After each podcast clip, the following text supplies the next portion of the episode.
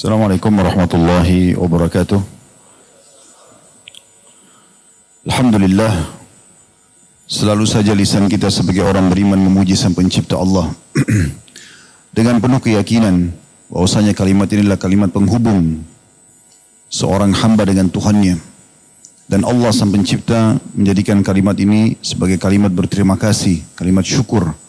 Dan dengan itu segala kebutuhan kita untuk roda kehidupan di muka bumi ini akan terpenuhi dan puncaknya akan dibalas dengan nikmat yang melimpah di surga nanti kekal selamanya. Oleh karena itu, jadilah selalu sosok muslim yang tidak pernah lupa mengucapkan Alhamdulillah. Selanjutnya kita panjatkan salam hormat kita kepada manusia terbaik, manusia yang telah disempurnakan jalur nasabnya, fisiknya, ilmunya oleh sang pencipta Allah, sebaik-baik suri tauladan, orang yang sudah sukses untuk menjadi seorang suami, ayah, bahkan menjadi seorang sahabat, juga pedagang, politikus, ya, pemimpin, semuanya ada pada orang terbaik ini. Dan Allah subhanahu wa ta'ala menutup seluruh risalah langit dengan diutusnya manusia terbaik ini. Mengucapkan salam hormat kepadanya dijadikan ibadah di sisi Allah subhanahu wa ta'ala. Satu kali salam hormat maka akan dibalas dengan sepuluh kali rahmat. Dan rahmat Allah meliputi segala sesuatunya pemenuhan kebutuhan, pengampunan dosa, solusi dari permasalahan-permasalahan. Oleh karena itu setelah memuji Allah Alhamdulillah selalulah juga menjadi orang yang selalu mengucapkan salawat dan taslim kepada Nabi besar Muhammad sallallahu alaihi wa ala alihi wa sahbihi wasallam. Seperti biasa teman-teman sekalian di hari Rabu antara maghrib isya kita selalu bila Allah subhanahu wa ta'ala mudahkan waktunya kami lagi tidak safar atau tidak ada udur syar'i maka kita akan selalu melanjutkan bahasan dosa-dosa besar. Semoga Allah Subhanahu wa taala menyelamatkan kita dari seluruhnya. Dan kita akan masuk pada malam ini dosa besar menuduh. Menuduh ini teman-teman sekalian pendek sekali katanya namun mengandung banyak sekali dosa. Dan Islam tidak membolehkan sama sekali seseorang itu menuduh.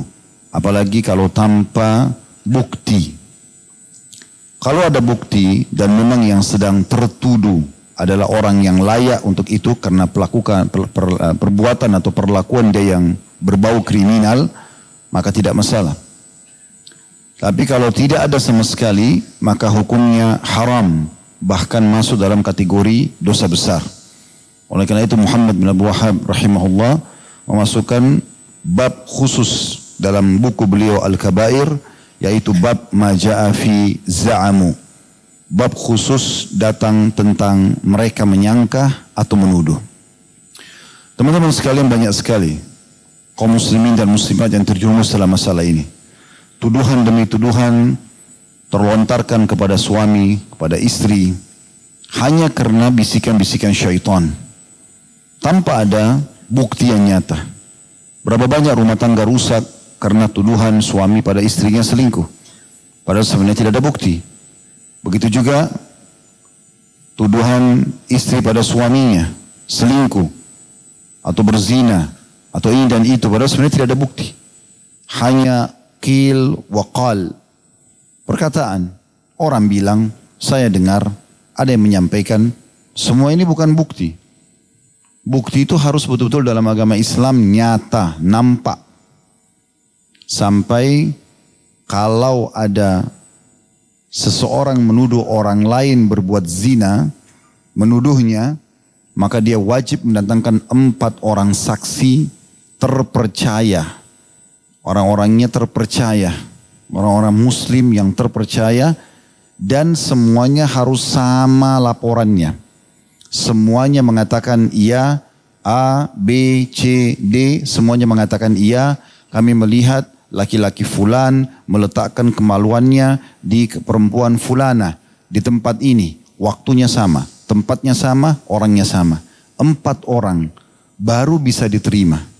Kalau tiga orang mengatakan masalah A, misalnya waktunya hari Senin, yang B mengatakan Selasa, nggak diterima. Atau berbeda saja, berbeda orang misalnya. Maka ini berarti yang kena hukuman empat-empatnya ini dicambuk. Saking tidak bolehnya menuduh. Padahal mungkin bisa saja yang tertuduh betul berbuat dosa. Tapi dalam Islam, teman-teman sekalian, Kita bukan diciptakan oleh Allah subhanahu wa ta'ala untuk menjadi pemeriksa orang. Memata-matai orang. Tidak pernah ada dalam Islam itu. Bukan tugas antum diciptakan untuk itu. Bukan tugas saya dan semua ikhwah di sini memata-matai istrinya. Mencari tahu mencari tahu kesalahannya dan kekurangannya, bukan itu. Yang nampak depan mata benar kita dukung, salah kita ingatkan. Yang tidak nampak tidak usah dikorek-korek. Tidak usah, bukan tugas kita. Dia punya Tuhan yang maha melihat, maha mendengar, maha mengawasi. Allah juga menitipkan malaikat yang senantiasa mengawasi dia. Untuk apa kita habisin umur kita sibuk dengan mencari atau memata-matai pasangan kita? Allah bilang dalam surah Al-Hujurat, "Wala tajassasu." Jangan memata-matai. Jangan saling memata-matai. Dalam hadis kata Nabi SAW, "La tajassasu." Jangan kalian saling memata-matai. Ini yang paling banyak membuat rumah tangga rusak gara-gara seperti ini. Gitu kan? Selalu menuduh, selalu menyangka, selalu memata-matai. Akhirnya semua tugas malaikat diambil, padahal dia manusia. Malaikat sudah punya tugas untuk mencatat. Tidak pernah lupa, tidak pernah luput. Ma yalfidu min qawlin illa ladaihi raqibun atid. Tidak ada satu kata pun yang terucapkan kecuali ada malaikat yang mengawasi dan mencatat. Tidak pernah capek, tidak pernah bosan. Ya. Ditugaskan oleh Allah SWT. Justru teman-teman, di saat banyak hal yang kita tidak ketahui tentang pasangan kita yang berbau aib atau kesalahan, itu rahmat Allah sebenarnya. Karena kalau kita tahu kita dia sakit hati. Tapi di saat kita tidak tahu, Justru itu rahmat Allah SWT. Kecuali Allah buka depan mata kita, itu lain. Begitu juga banyak kasus terjadi. Ributnya antara anak sama orang tua. Orang tua sama anak. Tuduhan demi tuduhan. Dan bahkan kadang-kadang memastikan kamu memang melakukan. Kamu memang pelakunya. Padahal belum tentu anaknya mencuri. Belum tentu anaknya mengambil. Belum tentu ini dan itu. Atau anak menyalahkan orang tuanya. Memang saya dididik begini dan begitu. Mungkin orang tuanya tidak seperti itu. Mungkin orang tuanya sudah berusaha didik anaknya dengan baik. Berapa banyak persahabatan yang rusak karena tuduhan-tuduhan. Nuduh temannya berbuat segala macam hal. Padahal sebenarnya tidak. Tuduh mencuri, tuduh menipu, tuduh ini dan itu. Sekali lagi, kalau ada bukti berbeda. Tapi kalau tidak ada bukti nggak bisa. Sama sekali nggak boleh. Nanti akan kita tidak beratkan juga. Karena ini dalil yang diangkat oleh Syekh Muhammad rahimahullah di bab ini yang pertama adalah surah An-Nur. Dan ini tentang penuduhan. Tuduhan orang-orang terhadap Aisyah Ummul Mukminin radhiyallahu dengan Safwan berzina. Ini sudah sering kita dengar kisahnya tapi saya akan ingatkan lagi karena memang poin bahasanya dimulai dari situ. Baru kemudian kita akan hubungkan dengan banyak dari dalil yang lain. Tapi tuduhan-tuduhan ini sebabnya begitu. Atasan pada bawahan, bawahan pada atasan, pemerintah pada masyarakat, masyarakat pada pemerintah saling nuduh. Padahal tidak ada bukti. Dan Islam menganggap semuanya omong kosong kalau tanpa bukti. Dosa, ini yang kita sedang bahas. Menuduh tanpa bukti, dosa. Bukan cuma dosa kecil, dosa besar. Ini akan kita bahas dan kita bedah pada malam ini insya Allah. Oleh itu teman-teman sekalian saya berharap mulai malam ini bersihkan pikiran kita dari semua hal-hal negatif. Dendam, ya, menuduh, ya, menyangka, semua ini. Jalan dengan sesuatu yang pasti saja. Jelas, oke. Okay. Tidak jelas, nggak usah. Tahu, Alhamdulillah. Tidak tahu, diam. Jangan ikut campur. Apalagi kalau berhubungan dengan haknya orang lain. Ini bahaya sekali. Sering saya ingatkan teman-teman, ingat selalu pesan itu. Menuju ke akhirat, kita semua sedang menuju ke liang lahat kita masing-masing dan kita tinggal tunggu siapa lebih dulu jatuh di liang lahatnya.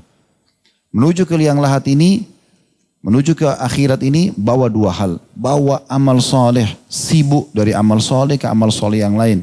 Dan teman soleh. Kalau perempuan teman soleha. Yang kalau dia nanti lolos di timbangan amal hari kiamat, dia bisa bantu kita dengan syafaatnya. Dalam sebuah riwayat sahih disebutkan nanti ada orang dikeluarkan dari neraka pada hari kiamat sampai membuat ahli neraka sendiri bingung kenapa dia keluar. Mereka saling ngomong kata Nabi SAW, apakah ada amal soleh yang dia kerjakan sampai dia bisa keluar? Sudah masuk sama-sama di neraka. Maka malaikat menjawab, ini adalah syafaat seorang mukmin yang mengenalnya di dunia. Ada seorang mukmin yang kenal dia, walaupun dia kurang amal dia masuk neraka dikeluarkan gara-gara itu. Maka pada saat itu ahli neraka semua berharap kalau punya satu teman orang beriman di dunia yang bisa mereka terselamatkan dengan itu. Ini yang kita sibuk. Cari teman-teman yang baik semuanya, jadikan teman mereka walaupun kita bukan orang seperti mereka derajatnya. Dan juga selalu amal soleh. Kalau kita cintai orang-orang beriman teman-teman sekalian, orang ahli ibadah, maka kita bersama mereka.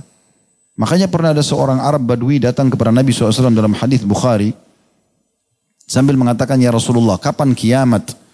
Kata Nabi SAW apa yang kau persiapkan? Dia bilang tidak ada sedikit amal ya Rasulullah.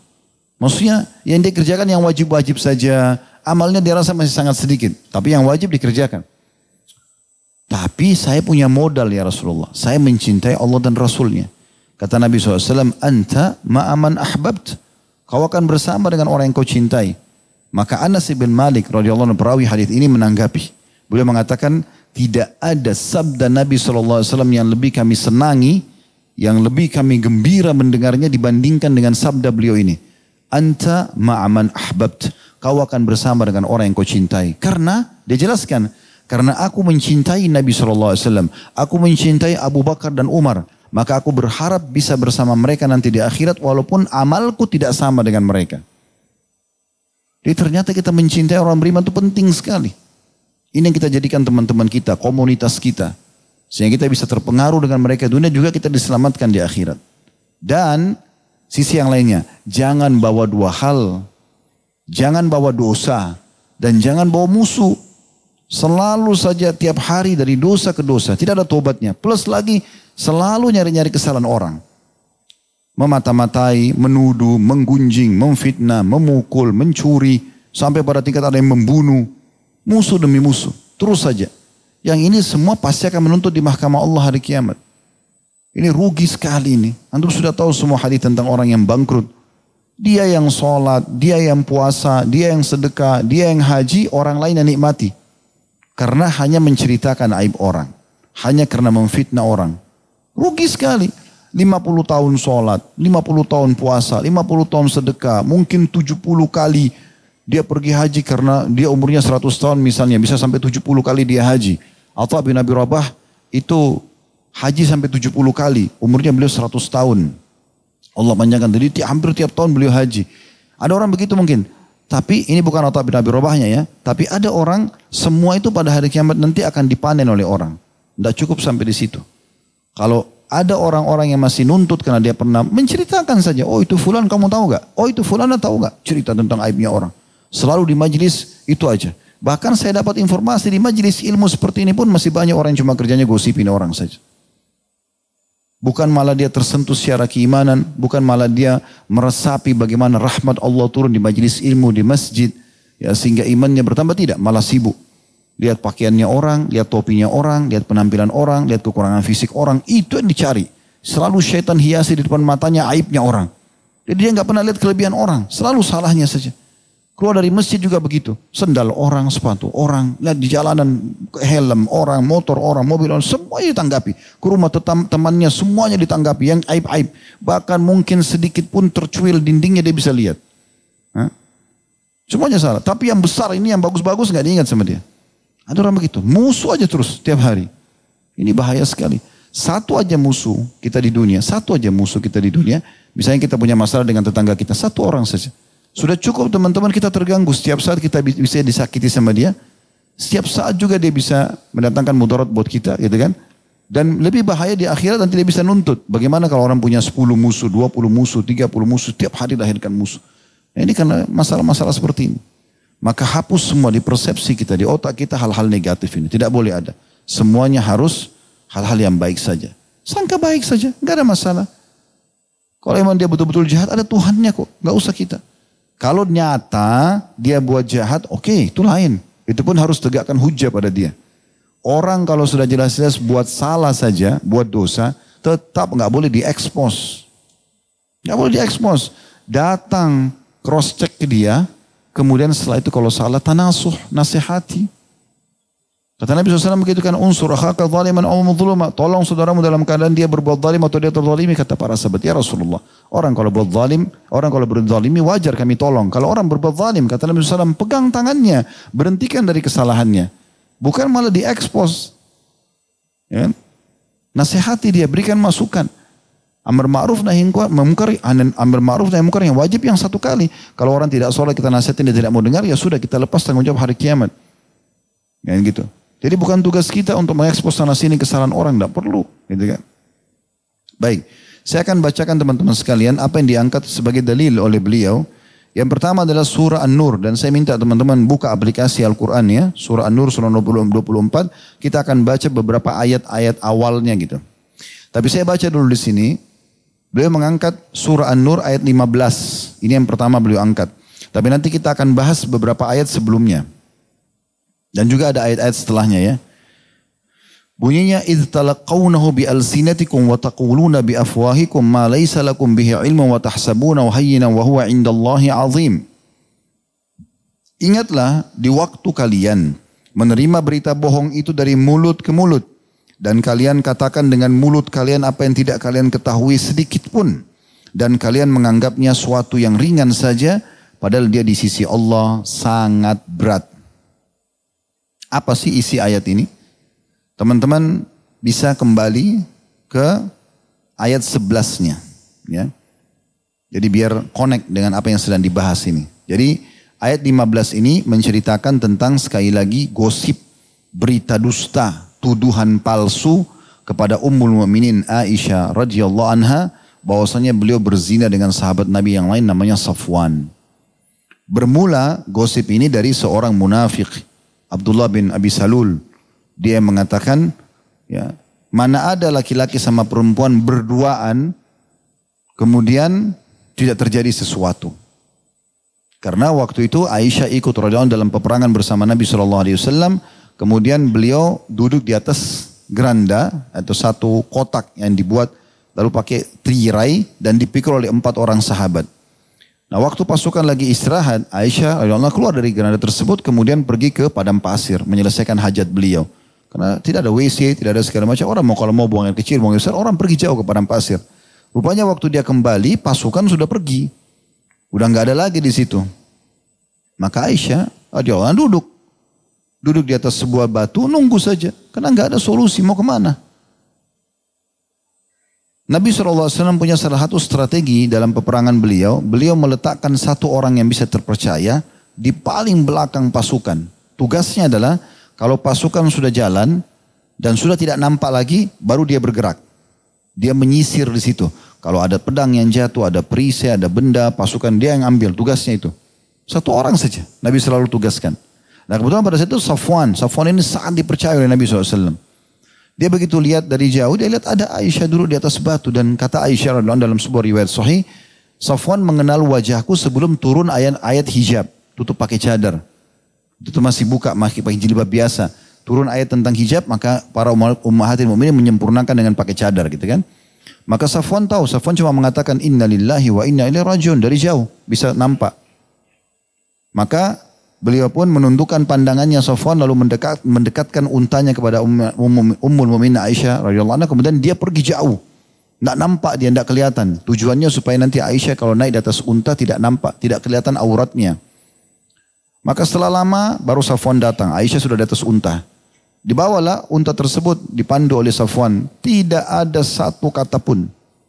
Enggak tanya, hai Aisyah kenapa kau terlambat, kenapa kau begini, tidak ada. Udah, pokoknya sudah naik, selesai, jalan. Aisyah pun tidak tanya apa-apa, tidak bilang terima kasih Safwan, tidak ada. Satu kalimat pun tidak ada. Satu kata pun tidak ada. Sampai pasukan Nabi SAW istirahat lagi di tempat lain. Begitu istirahat Nabi SAW tanya, mana Aisyah? Mereka panggil, wahai umul mu'minin, wahai umul mu'minin, tidak ada suara. Sampai ambil inisiatif, dibuka tirainya nggak ada. Tersebar berita, umul mu'minin hilang nih. Mungkin ditawan oleh musuh. Maka pada saat lagi terjadi seperti itu, dalam pasukan ada Abdullah bin Abi Salul ini kepala munafikin memang selalu nyari-nyari kesalahan muslimin. Apa saja celah pasti dicari kesalahan sama dia. Main tuduh-tuduh sana sini.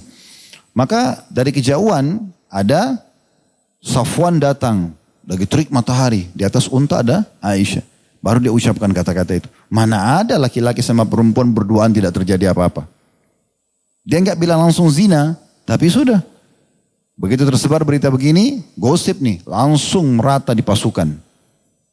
Nah Nabi SAW waktu dengar itu beliau percepat langkah. Percepat langkah. Jadi supaya tidak berhenti di jalan.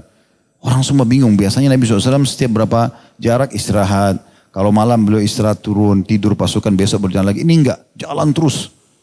Maka ada yang tanya kenapa ya Rasulullah. Kata Nabi SAW, kok tidak dengar apa yang disebarkan oleh Ibnu Abi Salul. Gitu kan?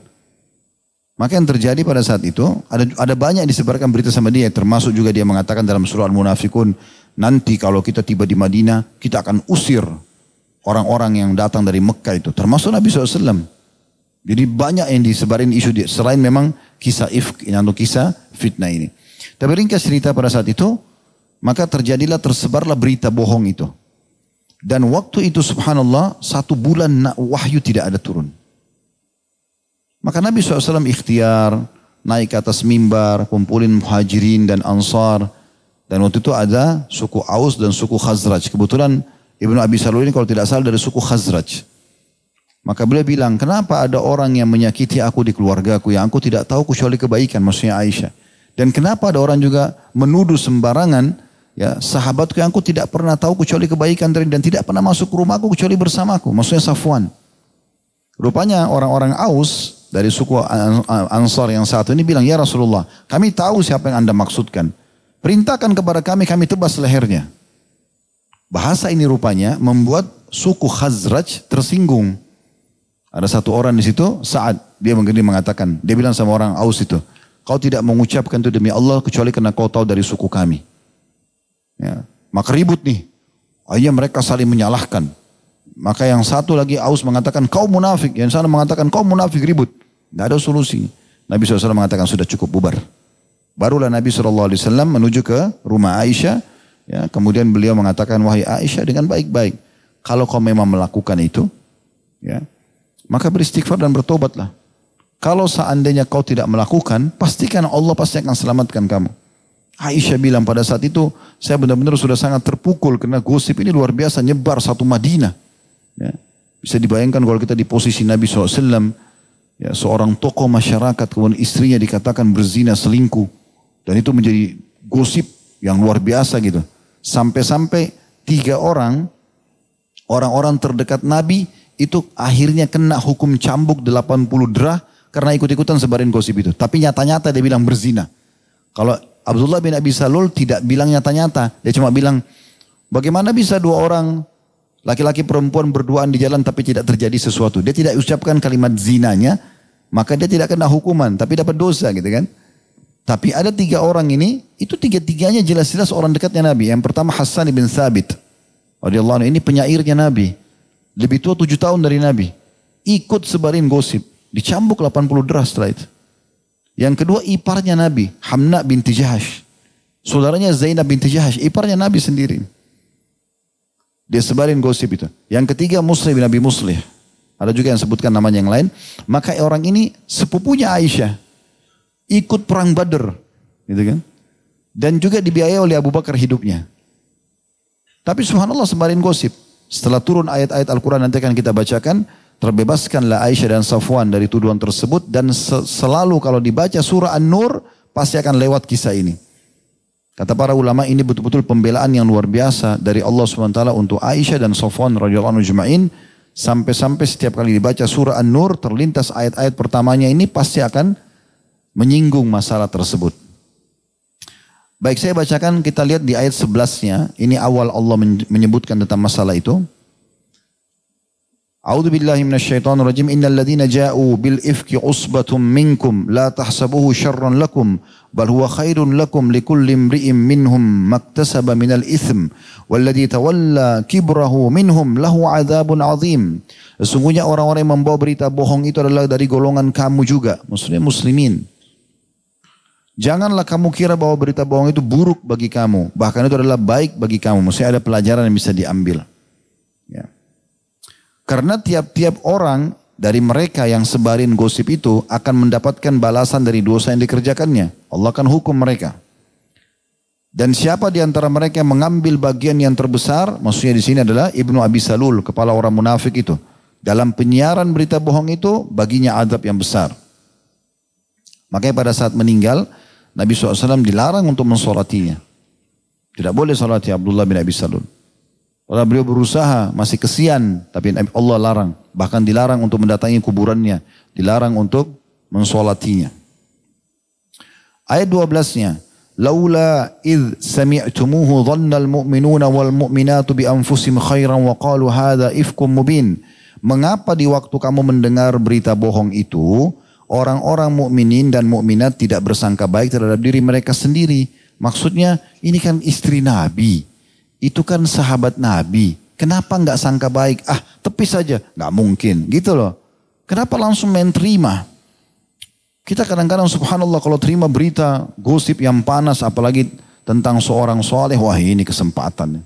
Ya. Malah makin digoreng gitu kan. Makin dibesar-besarin. Kesempatan ini, apalagi media.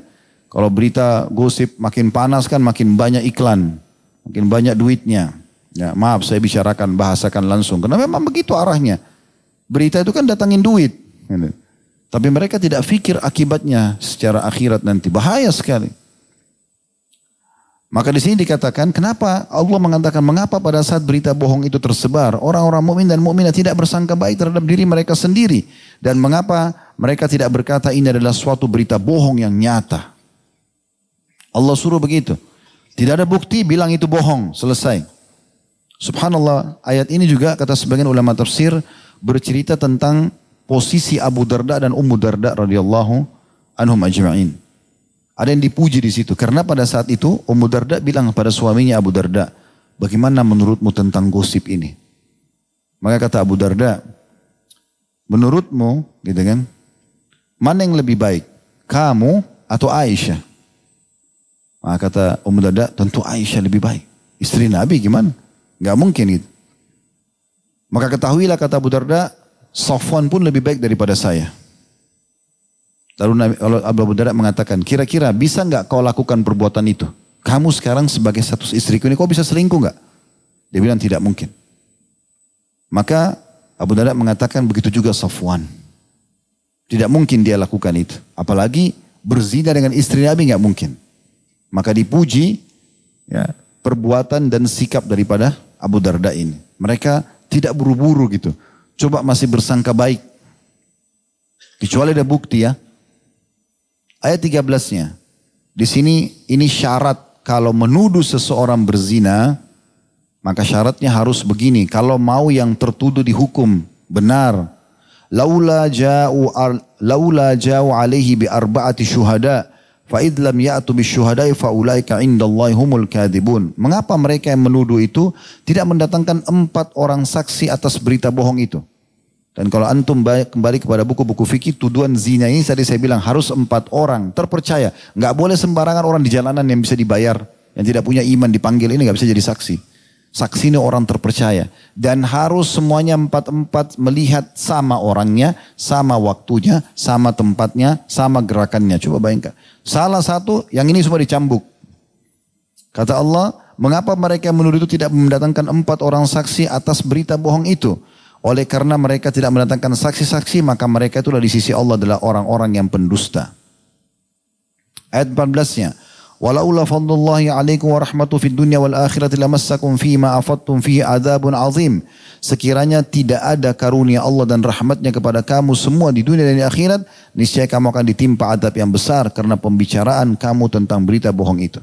Kalau bukan karena Allah kasihan kepada kalian sudah dihukum nih. Setiap tuduhan bohong ini pasti akan langsung dihukum. Lalu ayat 15 tadi ini yang diangkat jadi saksi bahasan di buku kita idtalau qawnahu bi alsinatikum wa taquluna bi afwahikum ma laysa bi ilmu wa tahsabunahu hayyinan wa, Ingat tadi waktu kamu menerima berita bohong itu dari mulut ke mulut dan kamu katakan dengan mulutmu apa yang tidak kamu ketahui sedikit pun. Kamu nggak lihat, kamu nggak tahu. Ada bahkan orang sebarin gosip di Madinah tidak hadir di peperangan itu, di perjalanan itu. Seperti Hamna binti Jahash tadi saya bilang itu tidak hadir, ya. Hassad bin Thabit tidak hadir. Tapi dia sebarin akhirnya dicambuk. Dikatakan dan kamu menganggapnya suatu yang ringan saja. Ah nggak apa-apa kan cuma gosip gitu kan. Padahal dia di sisi Allah adalah besar. Kita lanjutkan sekarang. Tadi kan saya bilang saksi bahasan ayat 15 tapi ada kita baca ayat sebelum dan ayat sesudahnya ya. Ayat ke-16-nya. Walaula id sami'tumuhu kultum ma yakunu lana an natakallama bihada subhanaka hada buhtanun azim.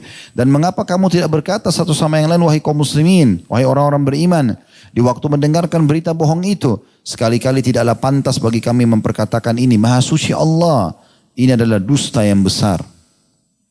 Lalu Allah ingatkan di ayat 17-nya, "Ya'idukumullahu an ta'udu limithlihi abadan in kuntum mu'minin." Allah memperingatkan kamu agar jangan pernah kembali lagi membuat yang seperti itu selama-lamanya. Jangan kalau ada berita gosip tanpa ada bukti main sebarin aja. Ya. Kalau kalian benar-benar orang-orang beriman, jangan pernah kembali membuat perbuatan tersebut ya selama-lamanya jika kalian adalah orang-orang beriman. Ayat 18-nya, wa yubayyinullahu lakumul ayat wallahu alimun hakim dan Allah menerangkan ayat-ayatnya kepada kamu dan Allah Maha mengetahui lagi Maha bijaksana. Di ayat 19-nya Allah mengancam orang-orang yang suka sebarin gosip, tuduhan-tuduhan palsu, terutama bagi orang-orang iman, orang beriman, kaum muslimin. Innal ladhina yuhibbuna an tashi'al fahishatu fil ladhina amanu lahum adzabun alimun fid dunya wal akhirah. Wallahu ya'lamu wa antum la ta'lamun. Sesungguhnya orang-orang yang ingin agar berita perbuatan yang amat keji itu tersebar di kalangan orang-orang beriman, bagi mereka adab yang pedih di dunia dan juga di akhirat dan Allah mengetahui sedang kamu tidak mengetahuinya. Ayat 20-nya Walaula fadlullahi alaikum wa rahmatu Allah raufur rahim. Dan sekiranya tidaklah karena karunia Allah dan rahmatnya kepada kamu semua.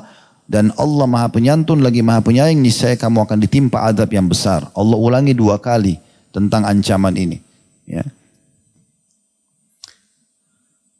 Lalu ayat 21-nya Allah mengingatkan kepada kita kalau semua tuduhan-tuduhan itu apalagi yang tidak berdasar adalah bisikan syaitan. Tidak boleh diikuti. يا أيها الذين آمنوا لا تتبعوا خطوات الشيطان ومن يتبع خطوات الشيطان فإنه يأمر بالفحشاء والمنكر ولولا فضل الله عليكم ورحمته ما زكى منكم من أحد أبدا ولكن الله يزكي من يشاء والله سميع عليم Hai orang beriman, janganlah kamu mengikuti langkah-langkah syaitan. Barang sampai mengikuti langkah-langkah syaitan, maka sungguhnya syaitan itu menyuruh mengerjakan perbuatan yang keji dan mungkar. Sekiranya tidaklah karena karunia Allah dan rahmatnya kepada kamu sekalian, saya tidak seorang pun dari kamu bersih dari perbuatan-perbuatan keji dan mungkar itu. Selama-lamanya. Tapi Allah membersihkan siapa yang dikehendakinya dan Allah maha mendengar lagi maha mengetahui. Baik teman-teman sekalian. Ada ayat 21, 22-nya itu tentang peringatan Allah kepada Abu Bakar radhiyallahu anhu. Karena Abu Bakar setelah tahu ternyata salah satu penyebar ya, uh, gosip ini adalah sepupunya Aisyah yang dibiayai hidupnya, maka beliau bersumpah atas sama Allah tidak mau lagi biayai. Tapi ternyata karena penyebar gosipnya sudah taubat, maka Allah mengingatkan di sini. Ayat dua-duanya, wala ya'tali ulul fadli minkum was-sa'ati yu'tu ulil ulil qurba wal masakin wal muhajirin fi sabilillah wal ya'fu wal yasfahu ala tuhibbuna yaghfirallahu lakum wallahu ghafurur rahim dan janganlah orang-orang yang mempunyai kelebihan dan kelapangan di antara kamu bersumpah bahwasanya mereka tidak akan memberi bantuan kepada kaum kerabatnya. Ini ayat turun kepada ya, Abu Bakar ya. Ada yang mengatakan kepada Marthat, ada yang mengatakan Musrih ya namanya. Ini sepupunya Abu Bakar, sepupunya Aisyah ya. Karena Abu Bakar bersumpah tidak akan bantu lagi setelah gosip itu. Tapi Allah di sini menegur. Allah mengatakan janganlah orang-orang yang mempunyai kelebihan dan kelapangan di antara kamu bersumpah bahwa mereka tidak akan memberi bantuan kepada kaum kerabatnya, orang-orang miskin dan orang-orang yang berhijrah pada jalan Allah. Hendaklah mereka memaafkan dan berlapang dada. Apakah kamu tidak ingin bahwa Allah Allah mengampunimu? Maksudnya dengan kau memaafkan. Maka Allah dan ketahuilah Allah Maha Pengampun lagi Maha Penyayang. Setelah turun ayat ini Abu Bakar langsung mengatakan, tentu ya Allah, aku ingin engkau mengampuniku. Maka Abu Bakar pun membayar kafarahnya ya dengan memberikan makan 10 orang miskin. Kemudian beliau kembali membantu Marthat atau Muslih tadi. Ya. Lalu ayat 23-nya Allah mengingatkan innal ladzina yarmunal muhsanatil ghafilatil mu'minatil lu'inu fid dunya wal akhirah walau ma'adzabun azim. Sesungguhnya orang-orang yang menuduh wanita yang baik-baik yang lengah lagi beriman berbuat zina, maka kena laknat di dunia dan akhirat dan bagi mereka azab yang besar. Ya. Jadi di sini Allah Subhanahu wa taala mengingatkan tentang masalah siksa yang pedih bagi mereka. Baik, selanjutnya kita akan masuk ke sebuah poin, habis itu baru kita azan insya Allah. Ini tentang masalah bagaimana, karena kita terlanjur baca surah An-Nur ya, kita kembali ke ayat 4 ya. Maaf, ayat 6 sampai ayat 9 ya.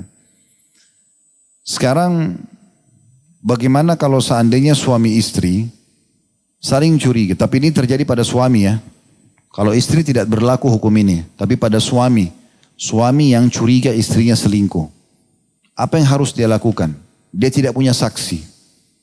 Hukumnya berbeda. Beda dengan kalau tuduhan umum tadi. Kalau tuduhan umum kan dia harus datangkan empat orang saksi ya. Tapi sekarang bagaimana kalau istrinya sendiri? Makanya ada hukum tersendiri. Kita lihat ayat 6-nya. Masih surah yang sama. Walladina yarmuna azwajum walam yakun lahum syuhada'u illa anfusum fasyahadatu ahadihim arba'u syahadatin billahi innahu laminas sadiqin. Dan orang-orang yang menuduh istrinya berzina padahal mereka tidak ada mempunyai saksi-saksi selain diri mereka sendiri. Misal naudzubillah seorang laki-laki pulang ke rumahnya ditemukan ada laki-laki yang lain. Dia harus laporkan pemerintah setempat, gitu kan? Dia tidak ada saksi. Bagaimana caranya? Maka persaksian orang itu adalah empat kali bersumpah dengan nama Allah. Sesungguhnya dia termasuk orang-orang benar. Di suami bilang depannya hakim, demi Allah saya lihat dia berzina empat kali. Demi Allah saya lihat dia berzina. Demi Allah saya lihat dia berzina. Demi Allah saya lihat berzina empat kali. Empat kali begitu. Ayat tujuhnya, wal khamisatu dan sumpah yang kelimanya, anna la'natullahi alaihi in kana minal kadibin. Maka laknat Allah atas si suami ini yang menuduh, ya kalau dia termasuk orang-orang dusta. Makna laknat diangkat semua berkah hidupnya. Ya. Kemudian ayat delapannya, wa yadra'u anha al-'adzaba an tashhada arba'a syahadatin billahi innahu laminal kadhibin. Supaya si istri itu terhindar dari hukuman oleh sumpah, oleh tuduhan suaminya, maka dia harus bersumpah empat kali atas nama Allah. Sesungguhnya suaminya benar-benar termasuk orang dusta. Dia harus bilang, demi Allah suami saya dusta, demi Allah suami saya dusta, demi Allah suami saya dusta, demi Allah suami saya dusta. Tadi kan kalau suaminya sumpah empat kali, kalau istrinya berzina kan gitu. Yang kelima kena laknat Allah. Sekarang istrinya mengatakan demi Allah bohong suami saya. Yang kelimanya di ayat sembilannya wal khamisata an ghadaballahi alaiha in kana minas sadiqin. Bahwasanya sumpah yang kelima si istri ini mengatakan laknat murka Allah bukan laknat sebenarnya di sini. Murka Allah atasnya jika suaminya termasuk orang-orang yang benar. Ya. Pernah terjadi di zaman Nabi SAW, ada suami yang nuduh istrinya begini. Lalu Nabi SAW sudah nasihati, bertakwa kepada Allah. Pasti ada di antara kalian yang bohong nih. Suami nunduh istrinya, istri juga membentengi. Tidak, saya tidak lakukan. Nabi ingatkan suaminya supaya berhenti. Kalau ini mungkin kamu salah lihat. Tidak ya Rasulullah, saya yakin. Istrinya dikatakan, kalau kau kalau kau lakukan, ngakui saja. Selesai, tobat. Enggak ya Rasulullah, bohong. Nabi bilang pasti ada yang dusta nih. Bagaimana mau li'an, li'an. Oke, okay. terjadilah sumpah seperti ini. Cuma hukumnya harus fahami ya. Kalau sudah terjadi li'an namanya, ini saling melaknat ya, seperti ini, maka terjadi perceraian abadi. Gak ada namanya tolak satu, tolak dua, gak ada. Cerai selamanya. Jadi kalau suami sudah tuduh begini bersumpah, istri juga sudah tuduh suaminya bohong, ini sudah ini sudah siap dilaknat, ini siap dimurkai Allah, maka diceraikan dan tidak boleh lagi sama sekali berkumpul. Jatuh tolaknya itu langsung bayin, langsung kayak seperti orang cerai tiga. Gak boleh lagi kumpul selamanya. Gitu kan? Maka ini harus hati-hati tentunya. Oleh karena itu jangan mudah menuduh tadi. Kalau orang banyak sekali syubhatnya, banyak prakira prasangkanya maka akan seperti ini. Allahu a'lam. Kita akan lanjutkan insyaallah setelah salat Isya nanti. Subhanakallahumma bihamdika asyhadu an la ilaha illa anta astaghfiruka wa atubu ilaik. Assalamualaikum warahmatullahi wabarakatuh. Assalamualaikum warahmatullahi wabarakatuh. Alhamdulillah, wassalatu wassalamu ala rasulillah. Segala puji dan puja kehadirat Allah subhanahu wa ta'ala juga salawat dan taslim kepada Nabi besar Muhammad sallallahu alaihi wa ala alihi wa sahbihi wasallam. Baik kita lanjutkan tema kita teman-teman sekalian masalah dosa besar menuduh ini. Kita akan masuk ke sebuah riwayat tentang awalnya muncul tuduhan di masa Nabi Shallallahu Alaihi Wasallam. Ada riwayat Anas bin Malik radhiyallahu anhum. Dan riwayat ini riwayat yang sahih diriwayatkan oleh An-Nasai kemudian juga oleh Imam Bukhari. Anna awwalu li'anin kana fil islami anna syarika syarika ibn Sahma kadafa Hilal ibn Umayyah bimra'atihi فرفعت إلى رسول الله صلى الله عليه وسلم فقال النبي صلى الله عليه وسلم يا هلال أربعة شهود وإلا فحد في ظهرك awal mula saling menuduh perbuatan zina ini dalam Islam terjadi pada kasus Syarik bin Sahma. Dituduh oleh Hilal bin Umayyah telah selingkuh dengan istrinya. Jadi Syarik ini bin Sahma dituduh oleh Hilal bin Umayyah selingkuh dengan istrinya Hilal. Lalu Nabi SAW berkata kepada Hilal, si suami, yang menuduh laki-laki lain selingkuh sama istrinya. Datangkanlah wahai Hilal empat orang saksi. Jika tidak, maka engkau akan dikenai hukuman had atau derah di punggungmu. Riwayat ini menyempurnakan apa yang kita bahas tadi, yaitu kalau seandainya dia mau bersumpah dengan cara li'an, maksudnya dia tuduh istrinya, kemudian dia bersumpah empat kali kalau istrinya berzina, Lalu kemudian yang kelima, dia dikenal laknat sama Allah kalau dia dusta. Istrinya supaya lepas, bersumpah empat kali kalau suaminya dusta, yang kelima Allah murka padanya. Ini opsi yang pertama. Opsi yang kedua, tadi itu opsi pertama sudah kita jelaskan sebelum sholat isya tadi. Opsi kedua adalah dia mendatangkan saksi. Kalau dua-duanya dia tolak atas tuduhan tersebut, maka berarti dia dicambuk.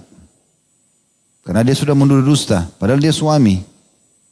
Berarti teman-teman sekalian, dari riwayat ini kita bisa lihat tidak boleh sembarangan menuduh. Walaupun kita sudah curiga, bukan tugas kita menuduh.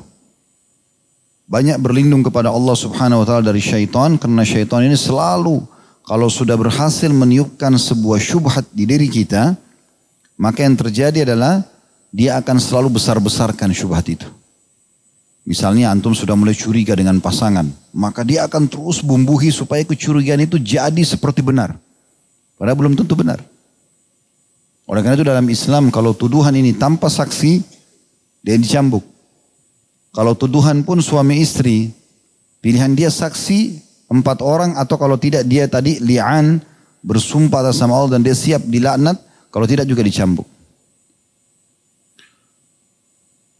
Nabi SAW sangat melarang untuk saling menuduh. Melengkapkan bahasan kita. Ada sebuah hadis yang diriwayatkan oleh Bukhari nomor 4550 dan Muslim nomor 1711. Imam Bukhari meriwayatkan di 4552 dan Muslim 1711. Juga diriwayatkan oleh Al-Baihaqi riwayat yang serupa. An Ibnu Abbas radhiyallahu anhuma dari Ibnu Abbas radhiyallahu anhuma anna Rasulullah sallallahu alaihi wasallam qaal bahwasanya Nabi SAW bersabda la yu'tan la yu'tan nasu bida'wahum kalau seandainya semua manusia dipenuhi tuntutan-tuntutan dan tuduhannya ladda'a rijalun amwala qaumin wa dima'ahum maka pasti akan banyak sekali orang-orang yang menuntut harta dan darah satu kaum. Walakin al-bayyinatu 'alal mudda'i wal yaminu 'ala man ankar. Tapi fahamilah kaidah agama adalah penuntut yang menuntut atau yang menuduh wajib mendatangkan bukti dan yang mengingkari yang sedang dituduh bersumpah. Ini adalah kaidah dasar yang telah disepakati oleh ulama dalam Islam. Ibnu Munzir rahimahullah dalam Jami' Ulum wal Hikam di jilid 2 halaman 230 beliau mengatakan ajma ahlul ilmi ala anna al bayyinata ala al mudda'i wal yaminu ala mudda'a ala al mudda'a alaihi. Para ulama telah sepakat bahwasanya yang menuduh diperintahkan mendatangkan bukti. Kalau tidak berarti dia yang kena dosa atau dia dicambuk. Sedangkan yang dituduh cukup bersumpah.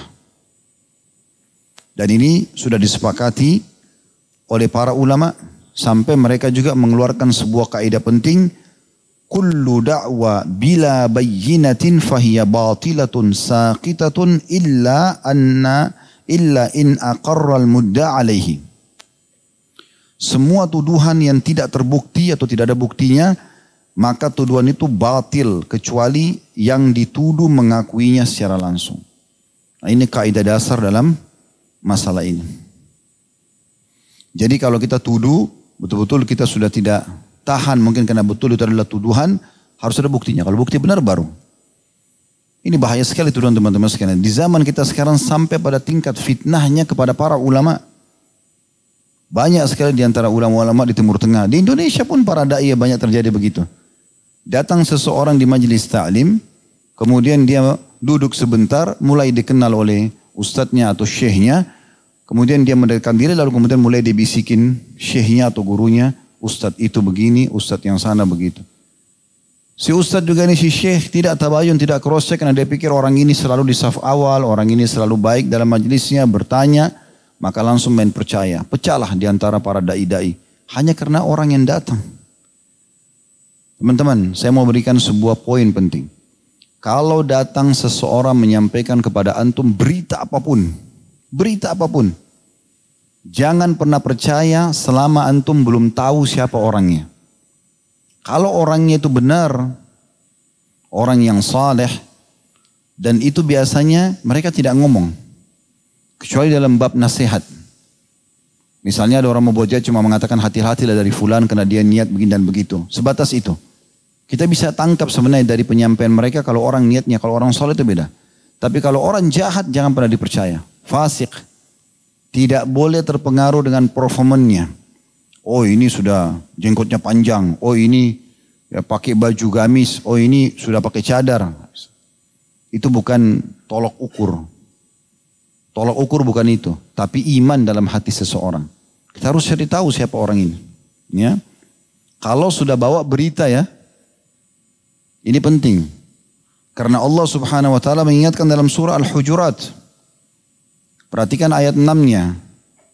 Ya ayyuhalladzina amanu in ja'akum fasiqun binaba'in fatabayyanu an tusibu qauman bijahalatin fatusbihu ala ma fa'altum nadimin. Hai orang-orang beriman jika datang kepada kalian orang fasik, bukan orang saleh. Enggak jelas orang ini. Hanya karena penampilannya, hanya karena pintar ngomong. Maka periksa dengan teliti agar kalian tidak menimpakan satu musibah kepada satu kaum tanpa mengetahui keadaannya yang menyebabkan kalian menyesal atas perbuatan tersebut. Berapa banyak orang begitu? Datang di majelis, datang di perusahaan, datang di yayasan, bergabung, habis itu dengan performanya orang percaya. Lalu kemudian setelah itu menipu dan seterusnya.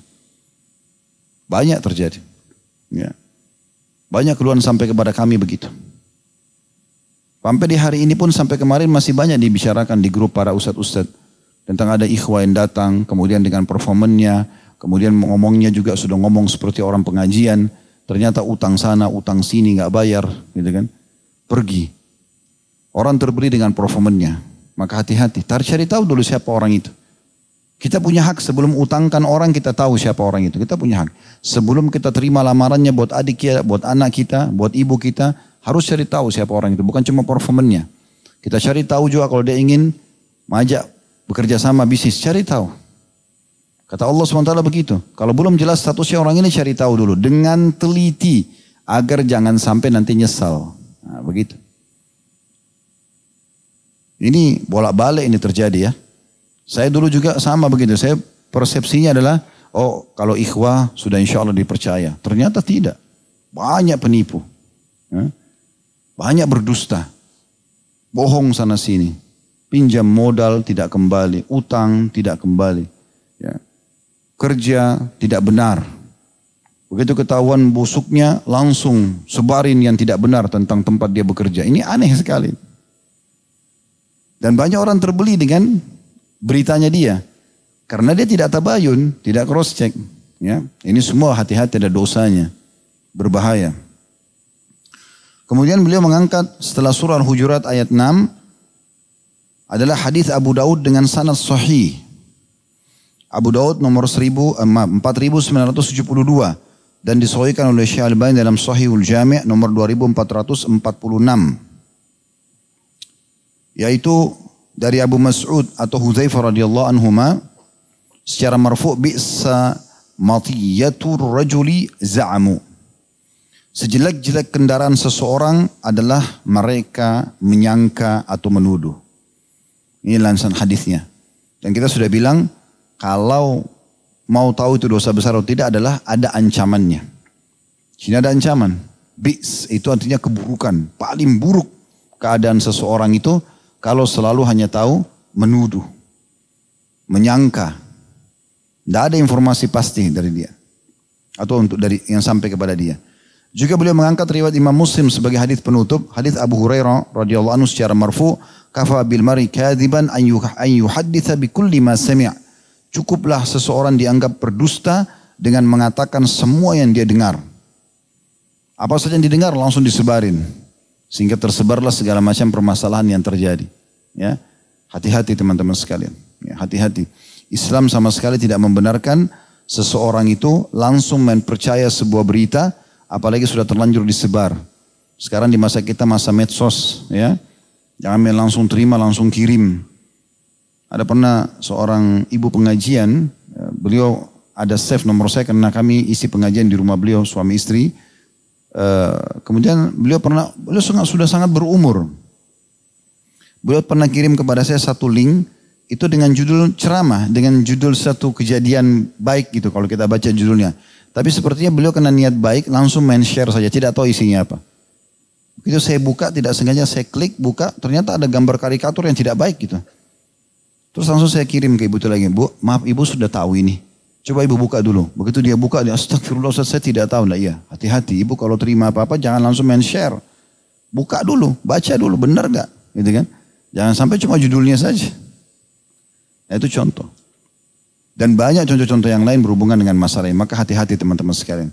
Jadi kalau bisa jauhi semua tuduhan-tuduhan kecuali dengan bukti. Kalau tidak maka ada hukum kazaf, hukum cambuk ya.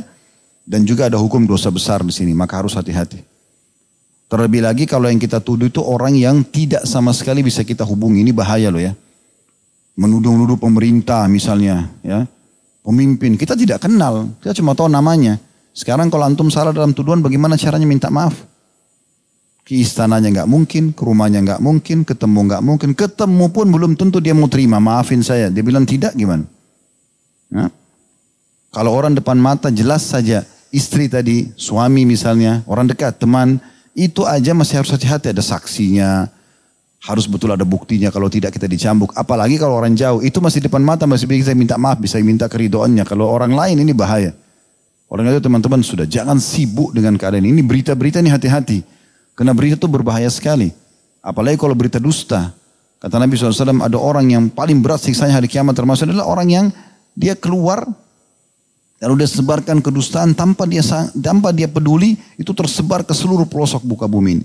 Ke mana-mana beritanya karena dia yang menyebarkan. Udah tidak usah. Ya, Ini berbahaya, hati-hati. Kalaupun terjadi sesuatu yang sangat besar, maka tidak usah ikut-ikutan sebarkan kecuali antum punya hubungannya di situ.